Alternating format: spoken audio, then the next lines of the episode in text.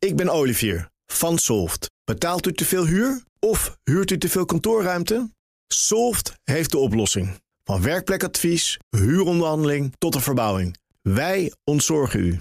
Kijk voor al onze diensten op soft.nl.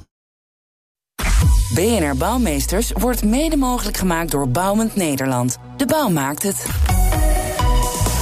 BNR Nieuwsradio. Bouwmeesters.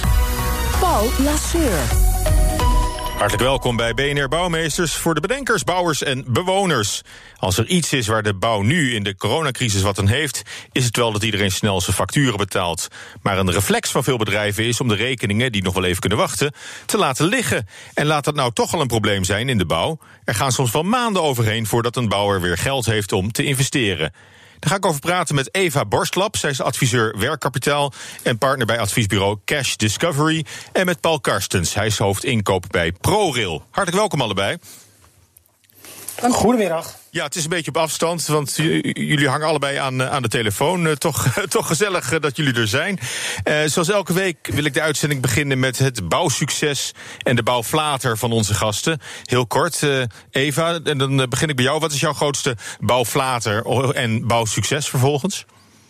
Nou, de ja, bouwflater is toch even de constatering, het gebrek aan het versnellen van, van betalingen, zeker nu. En de topper, die is denk ik leuk om te melden, dat is het waterschap Schelde-Stromen, ligt in Zeeland. En die zijn al heel snel, dus bij het uitbreken van de crisis, begonnen om facturen direct te betalen. Oké, okay. dus eigenlijk uh, tegen, uh, tegen natuurlijk misschien wel. Wat je zou verwachten, dat uh, partijen juist de hand op de knip doen zo gauw er een crisis uitbreekt. Precies, dat zie je gebeuren. En, en dat daar gaan we denk ik ook over hebben. Zeker publieke opdrachtgevers kunnen hier het goede voorbeeld geven. Oké, nou dan, dan kom ik bij, bij Paul Karstens, hoofdinkoop bij, bij ProRail, een van die opdrachtgevers. Uh, wat, wat, is jouw bouwflater en bouwsucces? Uh, nou, ik denk dat het bouwsucces, wat me nu te binnen schiet, is wat er komende weken gaat gebeuren. Daar gaan we bij Schiphol 7,3 kilometer spoor vervangen. Dat is een uh, vervanging die we uh, wat later uh, gepland hadden. Maar die nu, gezien de hele situatie en het feit dat er nu zo weinig treinen rijden, halen we die naar voren. En dat betekent dat we proberen op die manier zo min mogelijk hinder voor de omgeving te realiseren. En te zorgen dat als straks het aantal reizigers weer toe gaat nemen, dat we die goed van, van A naar B kunnen krijgen. Dus jullie profiteren feitelijk van de coronacrisis nu? Of, of, van, van de relatieve luwte op het spoor? Dat is het laatste, ja. in ieder geval hetgene wat we proberen om die uh, relatieve luwte uh, goed te benutten. En we kijken op dit moment als ProRail om te kijken waar we uh, nog meer slim gebruik kunnen maken van die relatieve rust op het spoor. Klopt. Okay. Oké, okay. en een, een bouwflater, zie je ook iets in de bouw gebeuren? Het hoeft niet in je eigen praktijk te zijn hoor, de, waar je ervan denkt, had niet gehoeven. Of dat zou ik, had ik liever anders gezien. Uh, wat niet uh, gehoeven was, uh, de, dat had zeg maar de situatie in de Rotterdamse haven. daar hebben wij een hele groot aantal activiteiten hebben we daar te doen. Daar gaat ongelooflijk veel werk verzet worden. Alleen we hebben afgelopen maanden ook gezien dat we daar de goede vervoerders diverse keren hebben uh, teleur moeten stellen. Omdat uh, de infra daar niet voldoende op orde is. dus ik denk dat wij als ProRail daar afgelopen jaar meer in hadden moeten investeren. We trekken ons been nu bij. We doen er echt alles aan om dat beter te gaan doen. Maar dat is niet iets waar ik nou trots op ben. Nee. Is dat misschien ook een project wat, wat nu versneld ter hand wordt genomen? Oh, exact. Dus wij kijken inderdaad uh, letterlijk naar wat we nu in de haven uh, versneld kunnen, kunnen uitvoeren. Dat klopt. Okay. Nou, gaan we met het eigenlijke onderwerp uh, verder van deze uitzending. ik begin bij jou, Eva. Je bent jarenlang financieel adviseur geweest bij, bij het ministerie van Financiën, bij KPN, bij NIBC. Um, als je nou kijkt naar de coronacrisis hè, en, en, de effecten daarvan op, op de bouw en, en de betalingen in de bouw, wat zie je daar dan gebeuren? Ja, kijk, wat je ziet in zeker de infrabouw is dat er sowieso sprake is van hele lage marges gegeven het risicoprofiel. En we hebben het over bruto marges van 2 tot 4 procent. En dat is bij een KPN natuurlijk echt heel anders. Maar daarnaast zie je in de infrabouw, en dat is van jaar en dag, dat, het, dat de bouwbedrijven krap bij kas zitten. En dat komt omdat gemaakte kosten, dus zeggen er is beton gestort, dan duurt het, ja, het wel twee of drie maanden voordat er betaald is door de, voor dat gestorte beton. Ja, en is dat met name ook een gevolg van de coronacrisis? Dat is, dat is wat je altijd ziet. Maar nu door die coronacrisis, op het moment dat er projecten ja, stil komen te liggen of in de vertraging, ja, dan is het voor een bouwbedrijf al snel lastig om aan zijn verplichtingen te voldoen. Om werknemers te betalen, leveranciers, huur. Want ze hebben gewoon sowieso weinig geld, maar nu komt dat extra hard binnen. Ja, en is dat dan uh, specifiek voor de, uh, voor de bouwsector het geval? Want als ik even een uitstapje permitteer naar de, naar de retail, daar heeft uh, Action heel veel kritiek gekregen omdat ze hun betaaltermijnen hebben verlengd. Hè? Van 30 naar nee, van 60 naar 90 dagen zelfs. Ja, ja, de action kan ik niet helemaal uh, beoordelen. Hè. De, uh, mogelijk dat het margebeleid daar wel anders is. Als je echt kijkt naar de bouw, dan heb je natuurlijk nu wel echt een cocktail die heel gevaarlijk wordt op het moment dat er sprake is van een crisis. Lage marges, hoog risico en een lage liquiditeitspositie. En, en het mooie is in deze bouw, als we toch het positief kunnen draaien, dan is er echt een kans. Want zelfs die liquiditeit die kan echt heel makkelijk um, om, verbeterd worden, structureel. Dus zowel nu als structureel. Ja. Ja, want uh, betaaltermijnen zijn, zijn al een probleem hè, voor de bouwsector. Veel bouwers hebben een kasprobleem. Uh, maar waar, waar komt het dan vandaan? Juist, juist in de bouwsector? Ja, je ziet, het, is, zijn, ik noem het altijd ingesleten patronen. Kijk, als, je, als er een weg wordt aangelegd, dan wordt er pas na vier weken dat stuk weg opgemeten in de regel. Dus het, normaal gesproken vier weken, dus twee gemiddeld genomen ligt dan twee weken werk al op de plank zonder dat er iets mee gebeurt. En dan heb je door over en weer allerlei processen, dat het ook nog eens een paar weken duurt voordat zo'n dossier is ingediend. Dan duurt het nog eens x aantal weken, drie weken voordat het is goedgekeurd. En dan pas komt die betaaltermijn van 30 dagen om de hoek kijken. Dus bij elkaar telt het dan op voor tot twee, drie maanden. Een beetje afhankelijk welk contracttype je hebt. Terwijl je bij de Albert Heijn moet je meestal gelijk afrekenen. Hè? Ja. Als, je, als je wegloopt. Ja. Dus, maar zijn het alleen de processen, procedures en, en gedrag? Het is heel veel gedrag en procedures en processen. En, en zeker publieke opdrachtgevers. Hè, het is een soort, ja, echt een soort. Zo werken wij met elkaar. Bouwers zijn vaak technisch georiënteerd. Dus dat cash achter het kastgeld, dat komt wel. Een beetje die uh, mentaliteit. Zeker niet overal, maar dat is wel wat je ziet. En ik denk hier moet je dus echt ja, opdrachtgevers, zeker vanuit het publiek en aannemers, um, ja, de handen in elkaar grijpen om te kijken hoe krijgen we nou die twee, drie maanden terug naar een maand of twee weken. Ja, en puur de betaaltermijn. Ik geloof dat de staatssecretaris uh, Keizer van Economische Zaken al bezig was om een termijn van 30 dagen in plaats van 60 dagen door te voeren. Maar dat is dus maar de helft van, van de oplossing. Exact, maar soms nog wel minder dan de helft. Want het voortraject, dus voordat die factuur verstuurd is, dat neemt vaak al 1, 2, soms wel drie maanden in beslag. En dan mag je vaak als aannemer nog maar een deel van je kosten declareren. Want de rest komt dan als er certificaten zijn en dat soort dingen. Ik noem dat altijd de papierwinkels afgerond. En dat gaat nog heel veel meer maanden overheen. Oké, en afge, afgezien dan van die onbetaalde facturen. Ik kan me zo voorstellen dat, uh, dat er binnen bouwbedrijven nog wel wat cash uh, verstopt zit uh, hier en daar. Wat ze tevoorschijn kunnen halen. Dat zou zo kunnen helpen. Precies. Nou ja, kijk, op het moment. Kijk, bouwbedrijven kunnen zelf wat doen door sneller zo'n dossier in te dienen. Daar gaat vaak ook nog een week of langer overheen. Dus als zij zeggen: hé, hey, we weten al wat erin komt, we bereiden ons voor, we anticiperen ons dat op een dag dat we het mogen indienen, indienen, dan win je al een week. En in overleg met de opdrachtgever kan je beslissen, heel makkelijk besluiten: hé, hey, we gaan niet vier na vier weken eens opmeten, we doen het al na een week of na twee weken. En we nemen de planning als uitgangspunt. Je hoeft daar niet zo lang mee te wachten, is bij de ja. en, uh, en in het algemeen zou je ook kunnen zeggen voor bedrijven, misschien grotere bedrijven, uh, dat, uh, dat er ook nog heel veel cash voor het oprapen ligt bij verschillende afdelingen.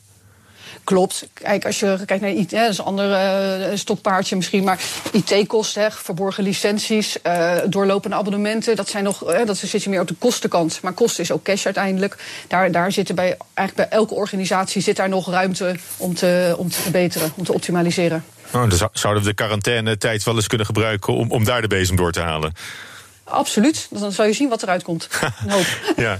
Uh, Paul uh, Karstens dan. je bent sinds kort hoofd procurement bij ProRail. Nou, dat is Engels voor inkoop van aanbestedingen. je hebt Eva horen spreken op een congres. wat sprak je zo aan in haar verhaal? Uh, wat me enorm aansprak is uh, uh, dat zij denkt in mogelijkheden. Dus ehm, toen ik Eva heb horen spreken, ehm, was ze duidelijk op zoek naar hoe doen we nu dingen, hoe zijn we dingen gewend te doen en hoe kunnen we dat versnellen en verbeteren. En uiteindelijk, dat spreekt me enorm aan, omdat ik er echt in geloof dat, dat uiteindelijk wij ook als ProRail, dat geldt voor in ieder geval alle publieke opdrachtgevers, wij er enorm veel baat bij hebben als onze contractpartners, onze leveranciers, onze aannemers blijven investeren in, in de toekomst. Ja, want hoe, hoe snel betaalt ProRail? doorgaans? Ehm, Even gewetensvraag Betalingstermijn. ja. nee, nee, nee. Het, het is oké. Okay. betalingstermijn is contractueel vastgesteld bij ons op 30 dagen. En het gemiddelde waar wij nu op zitten is, is 10 dagen. Dus binnen de betalingstermijn zitten we denk ik netjes, netjes aan de voorkant. Nou is het alleen wel zo, en daar ging het natuurlijk net ook al even over er is meer dan een betalingstermijn. Er is ook een periode waarin inderdaad uitgezocht wordt door ons of de prestatie buiten is geleverd zoals we die met elkaar hebben afgesproken. Dus op het moment dat er maandagochtend om vijf uur weer treinen gaan rijden. Nadat er in een weekend heel hard gewerkt is om, om het spoor weer te vernieuwen en te verbouwen.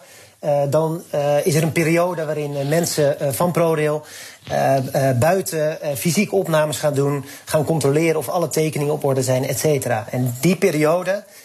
die, die kan inderdaad weken tot niet één tot twee maanden duren. En dat is dus een periode, als we dat weten te versnellen, dan, dan hebben we echt een winst te pakken. Want daarna gaat de factuur pas uit, als, als dat ook achter de rug is. Ja, dus wij controleren of uiteindelijk de prestatie is geleverd die we hebben afgesproken. En als wij uh, onszelf uh, daarvan hebben overtuigd, uh, dan zeggen wij tegen de aannemer: Het is correct, uw prestatie heeft u geleverd, u kunt de factuur sturen. En dan zijn wij met tien dagen, denk ik, vrij snel met, met betalen. Maar die periode daarvoor, daar gaat nu onze aandacht naar uit. Afgelopen jaar zat hem dus met name om die 30 dagen te versnellen. Vroeger hadden nog veel meer dan 30 dagen. En nu gaat onze aandacht er naar uit om te kijken hoe kunnen we dat voortraject versnellen. Ja, en is dat, is dat nieuw, die koers, sinds jouw aanstelling? Is dat iets wat jij persoonlijk je aantrekt?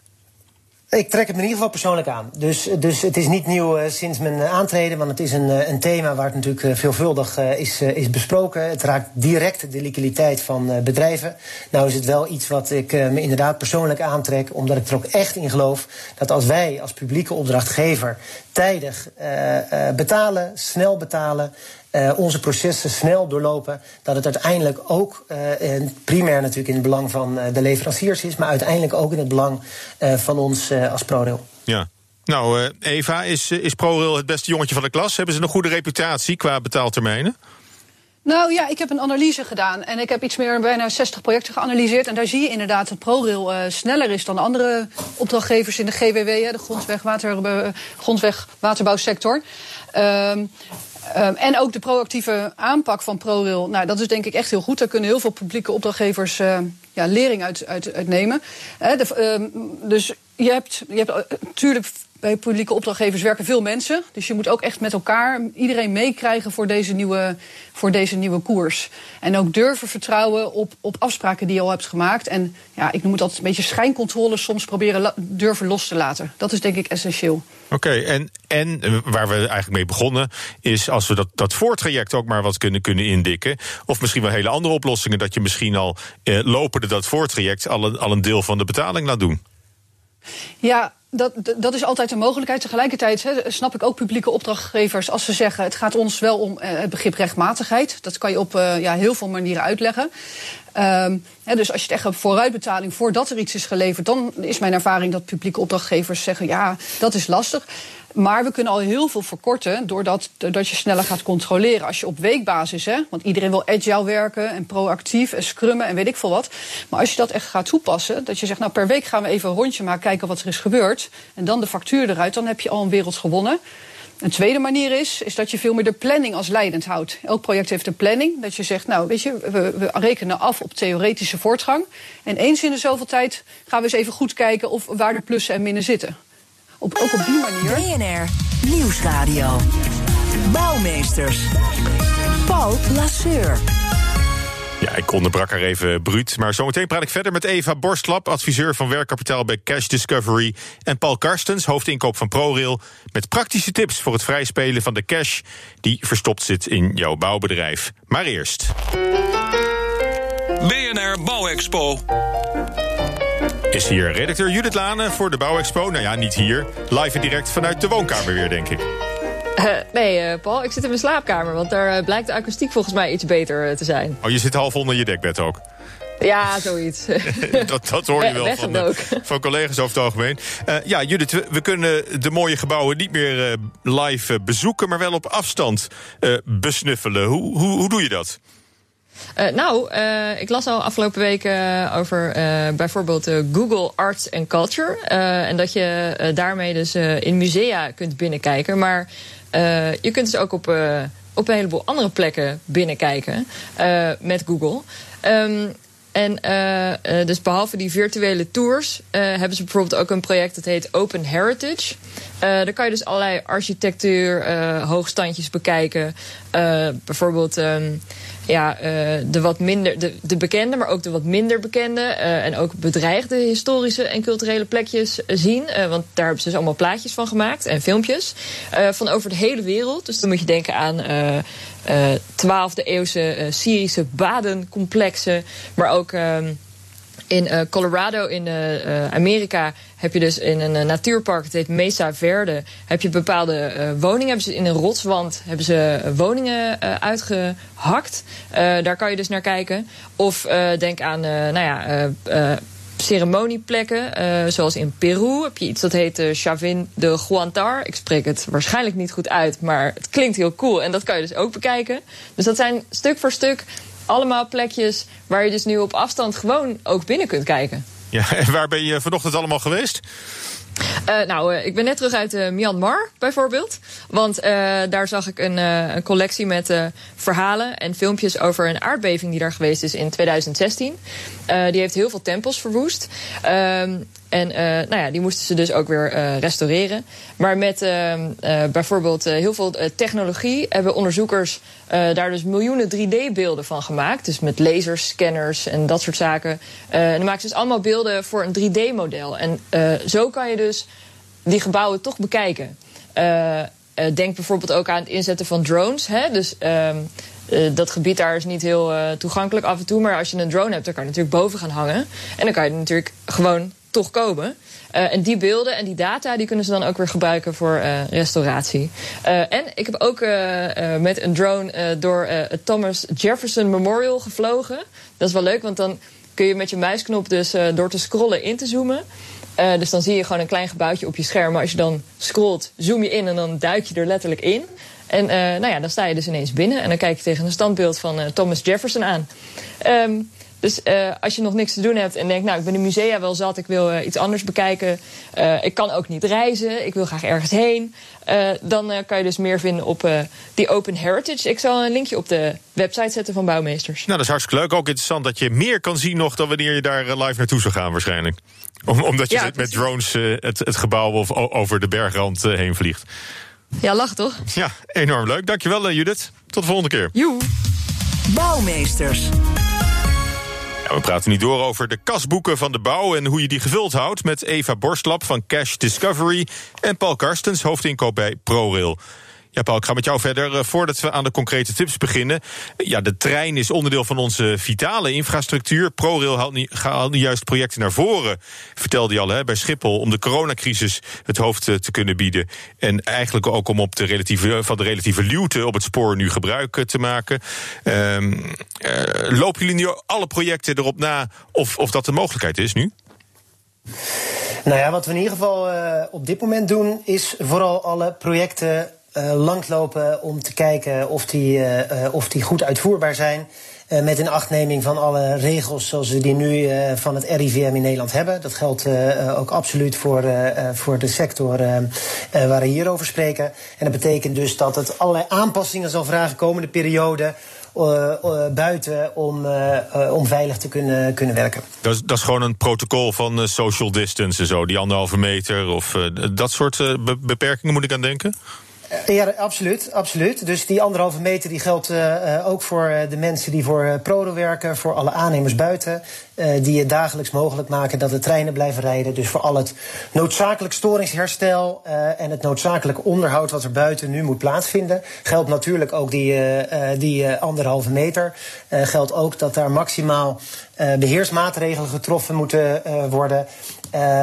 En als we echt met elkaar beseffen dat, dat bepaalde activiteiten activiteiten niet uitgevoerd kunnen worden.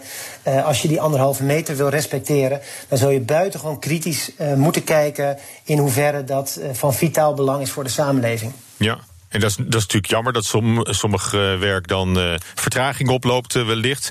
Maar we hadden het aan het begin van de, van de uitzending ook over dat er, hè, zoals bij de Schipholtunnel, werkzaamheden sneller kunnen worden uitgevoerd. En zien jullie ergens nog andere projecten, misschien wel specifieke projecten, die nu versneld kunnen worden uitgevoerd?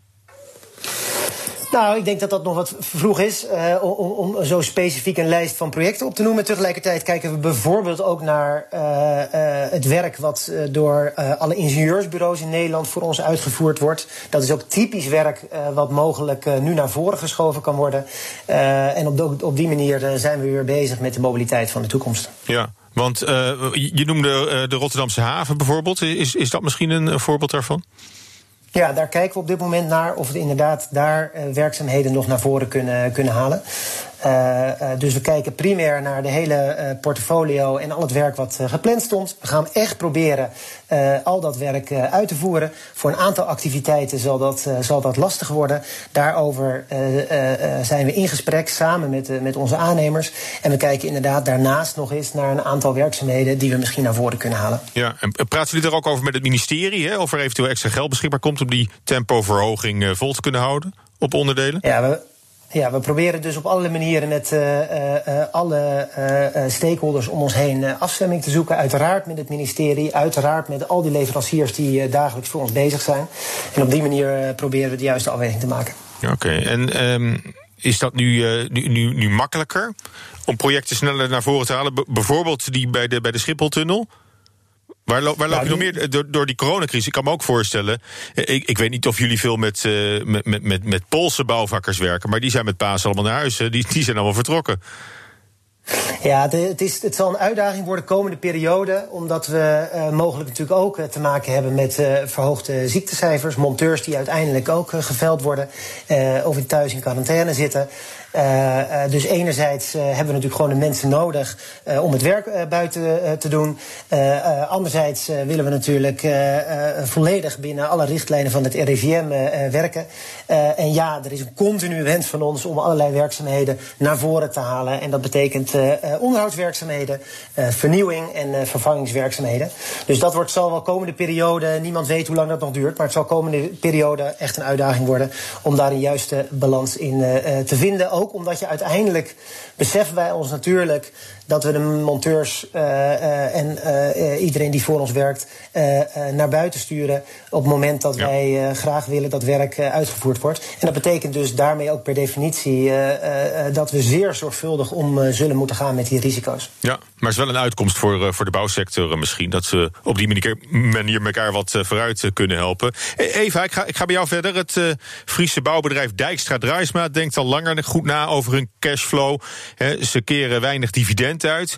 Maar eh, elk project heeft daar zijn eigen begroting. Een boekhoudsysteem dat automatisch herinneringen stuurt over de facturen. Dat klinkt alsof ze daar de boel al een beetje op orde hebben. Ja, heel, heel goed hè. Als je in controle bent en weet wanneer er cash ingaat en uitgaat. Nou, dan heb je er in ieder geval beter zicht op. Dat, dat is geen uh, valse controle. Um, nou ja, in zoverre de vraag is, uh, op het moment dat je nog steeds te maken hebt met termijnstaten en lange goedkeuringstermijnen, dan heb je wel controle. Maar de vraag is of je dan wel voldoende cash hebt, altijd. Mm -hmm. Dus nou, ook als zij, uh, zo'n bedrijf minder opdrachten krijgt, hè, en die zitten, zullen mogelijk, en jij zit met krappe marges, uh, dan heb je wel misschien sneller zicht dat het opdroogt. Maar mooier is nog als er gewoon meer geld op de plank is. Hè, door het versnellen van, het hele, van de hele doorlooptijdencyclus. Ja, en heb je op dat punt ook nog concrete tips, tips voor bouwbedrijven om cash vrij te spelen, nog, nog naast het versnellen van het hele factureringstraject? Um, ja, nee, kijk, een algemene tip, maar die wordt vaak, uh, soms, of die wordt vaak overgeslagen, is, maar, is essentieel, is dat je eerst moet kijken wat de situatie is. Want als je met elkaar bekijkt, hè, van hoe lang, duur, hoe lang duurt het nou? We, we, storten beton. En hoe gaat het nou? Wanneer kunnen we daar nou uh, factuur voor sturen? Hoe, wanneer wordt die betaald? En wat zijn de stappen? Dan geeft het al een eye-opener is mijn ervaring. Zowel voor opdrachtgevers als opdrachtnemers van... hé, hey, dat hadden we niet gedacht. We hadden niet gedacht dat het zo lang zou duren. Dus ga met elkaar in gesprek. Ga, ga kijken wat de feiten zijn. En ga vanuit daaruit versnellen. Ja, en kijk altijd naar je kosten. Dat is altijd iets wat je, wat je slim kan doen. Er zit altijd meer vet op de botten dan je denkt.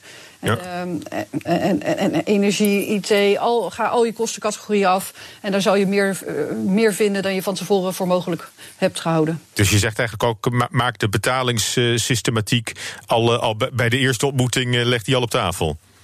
Ja, en spreek af dat je alle de Albert Heijn zo snel als mogelijk kosten vergoedt. Ja, ja. met elkaar. Ja, dat is duidelijk. Dan kijken hoe je dat invult. Nou, nou is, is dit een verhaal voor, voor grotere bouwbedrijven. In de bouw werken ook heel veel ZZP'ers. Hè? Met, met hun persoonlijke uh, financiële huishouding. Heb je ook nog, uh, ja, dat is meer personal finance. Maar heb je ook tips voor de ZZP-bouwvakker? Om wat extra geld vrij te maken? Ja, kijk, het is eigenlijk een ketenverhaal waar we het hier over hebben. Want als publieke opdrachtgever ga je eerst naar een grote aannemer en die zet het door. Op het moment dat je natuurlijk de hele cyclus kan versnellen, krijgt zo'n ZZP'er ook sneller zijn geld. Maar zo'n ZZP'er zou natuurlijk wel ook de dialoog met zijn aannemer kunnen, kunnen, kunnen aangaan. Om uit te leggen wat zijn situatie is. Want vaak bij grotere bouwbedrijven realiseren mensen zich niet dat een individuele ZZP'er echt afhankelijk is van, van geld in die maand. En niet nog eens een maand kan wachten. Dus ga het gesprek, ga het gesprek aan. Leg, leg op tafel wat de situatie is. Dat, ja. al veel, dat is een eye-opener vaak al. Ja, en juist nu misschien in tijden van uh, corona. Hartelijk dank voor dit gesprek. Eva Borstlap van Cash Discovery en Paul Karstens van ProRail hoorde u. En tot zover BNR Bouwmeesters. We horen natuurlijk graag van onze luisteraars die zelf in de bouw werken. Heb je iets innovatiefs bedacht om deze coronacrisis door te komen? Stuur tips naar bouwmeesters.bnr.nl of via Twitter, @bnrbouw. En deze uitzending kunt u terugluisteren als podcast. Tot volgende week. BNR Bouwmeesters wordt mede mogelijk gemaakt door Bouwend Nederland. De bouw maakt. Wist je dat managers evenveel invloed hebben op het mentaal welzijn van werknemers als hun partners? Toch voelt een derde van de managers zich niet in staat om hun team goed te ondersteunen bij mentale uitdagingen. Via het Open Up platform geef je jouw managers de tools die ze nodig hebben om dit wel te doen. Zo zijn jouw teams beter bestand tegen de uitdagingen van het dagelijks leven, thuis en op het werk. Benieuwd wat we voor jouw managers kunnen betekenen? Ga naar openup.nl/slash bedrijven. Let's open up!